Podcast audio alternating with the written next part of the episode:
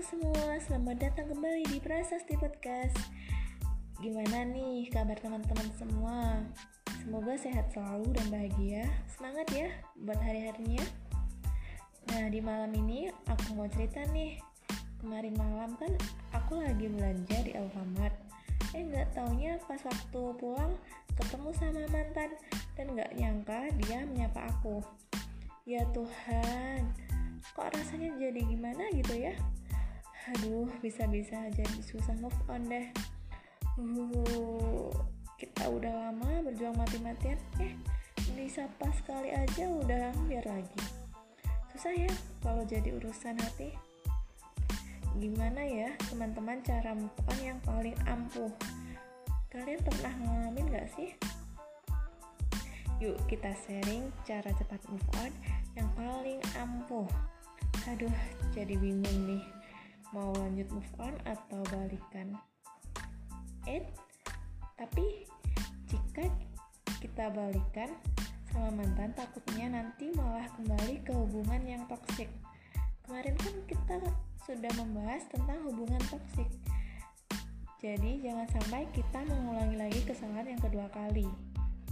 Nah teman-teman kalau punya tips move on bisa sharing ya bisa kita diskusikan lewat email aku prasastiramadani@gmail.com dan ketika akan membahas kembali di Prasasti Podcast dalam episode selanjutnya. Sampai di sini dulu. Saya menemani malam minggu Anda dan terima kasih sudah mendengarkan curhatan tentang mantan. Sampai jumpa kembali dan selamat malam.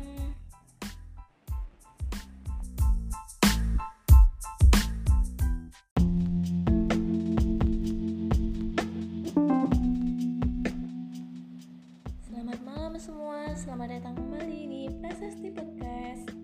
Gimana kabar kalian? Semoga selalu baik-baik saja ya. Dan semoga yang lagi galau bisa cepat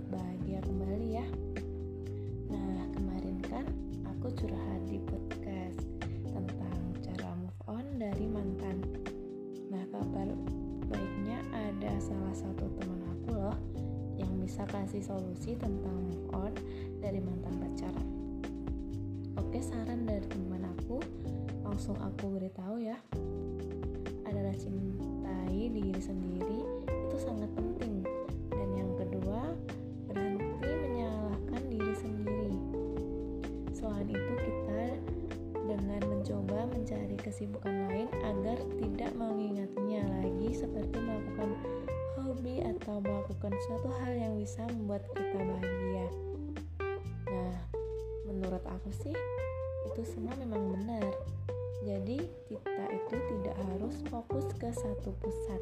Kita harus punya banyak pandangan tentang masa depan kita dan jangan terlalu berharap lebih kepada seseorang.